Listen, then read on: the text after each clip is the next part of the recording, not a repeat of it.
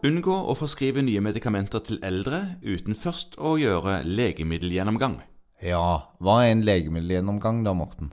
Ja, nei, du går igjennom hva som står på den pasienten sin legemiddelliste. Ja, altså dette er en sånn teknisk øvelse som særlig vi fastleger driver på med. Eh, Det er jo geriaterne som har gitt oss dette rådet, og de er helt sikkert flinke på det. Det vet jeg ikke noe om, det er lenge siden jeg har vært i geriatrien. Og... Jeg tror de er ganske, ganske gode på dette med polyfarmasi. Altså ja. ikke legemidler til sånn papegøyer, eh, poly, men, men, eh, men altså, det å bruke mye medisiner De Ja, er gode på å luke unna. De, de er gode på å slutte med å bruke mye medisiner. Ja. Men, men som fastlege så er det, det er en egen takst for det, og, og det er jo noe man oppfordres til å gjøre, i hvert fall tre ganger i året. Gå gjennom legemiddellisten. Ja, og Ja. kravet til det er jo at du gjør en systematisk gjennomgang med bruk av eh, noen hjelpemidler.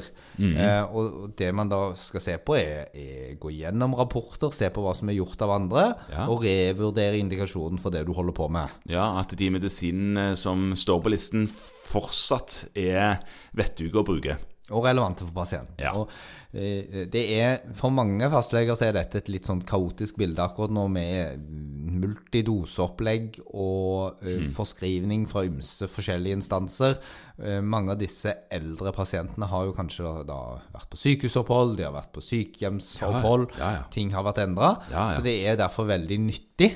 Men grunnen til at geriaterne er mer interessert i dette enn kanskje andre faggrupper, er at de oftere opplever problemer som følge av interaksjoner og bivirkninger enn det yngre pasienter har. Ja, fordi eldre har litt mindre reservekapasitet. Eh, I gjennomsnitt, ja. Ja, og blir man eldre, så baller det ofte på seg medisiner, fordi Ja. at eh, leger rundt omkring, inkludert allmennleger, er Ja. gode på å starte opp behandling, men ikke så gode på å vurdere om den behandlingen fortsatt skal foreskrives. Nei, så, så da er det et råd, et, et valg, et klokt valg. Og når du da på en måte tenker at her skal jeg skrive ut noe mer, Ja, gjør en kritisk gjennomgang av ikke bare det, det gjør du jo om det er lurt å skrive ut en ny medisin, men gjør også en kritisk gjennomgang av det pasienten allerede bruker. ja, ja. Eh, For da er du jo inne der og roter rundt i den reseptformidleren allikevel, Ja, ja, ja. og kan da ta stilling til om å ja, bruker han det, ja? Ja. Hvorfor det, mon tro? Og så kanskje få luka vekk noe, ja. sånn at pasienten får det bedre. Noen ganger så havner man jo i den situasjonen at man behandler noe med ett legemiddel som gir bivirkninger, så du må behandle med et annet legemiddel. Ja. Ja, og Da går man på en måte litt i ring, eh, og etter hvert så må man gjøre en sånn helhetsvurdering og si eh, kanskje man skal bare ta vekk alt, eh, og se hva som man står igjen med. Ja, Mange har blitt friskere av det.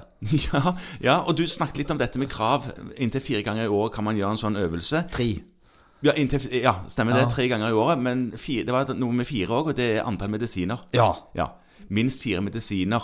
Må pasienten ha for at taksten skal utløses. Ja, men det gjelder fastlegene. Ja. Ikke For at fastlegen skal kunne ta en sånn ekstra gjennomgangstakst, så må det være minst fire faste medisiner. Ja. Men, men det er ingen krav til når du kan få lov til å gjøre en legemiddelgjennomgang, Morten. Det, Det kan, kan du få lov til å gjøre hver gang. når som helst.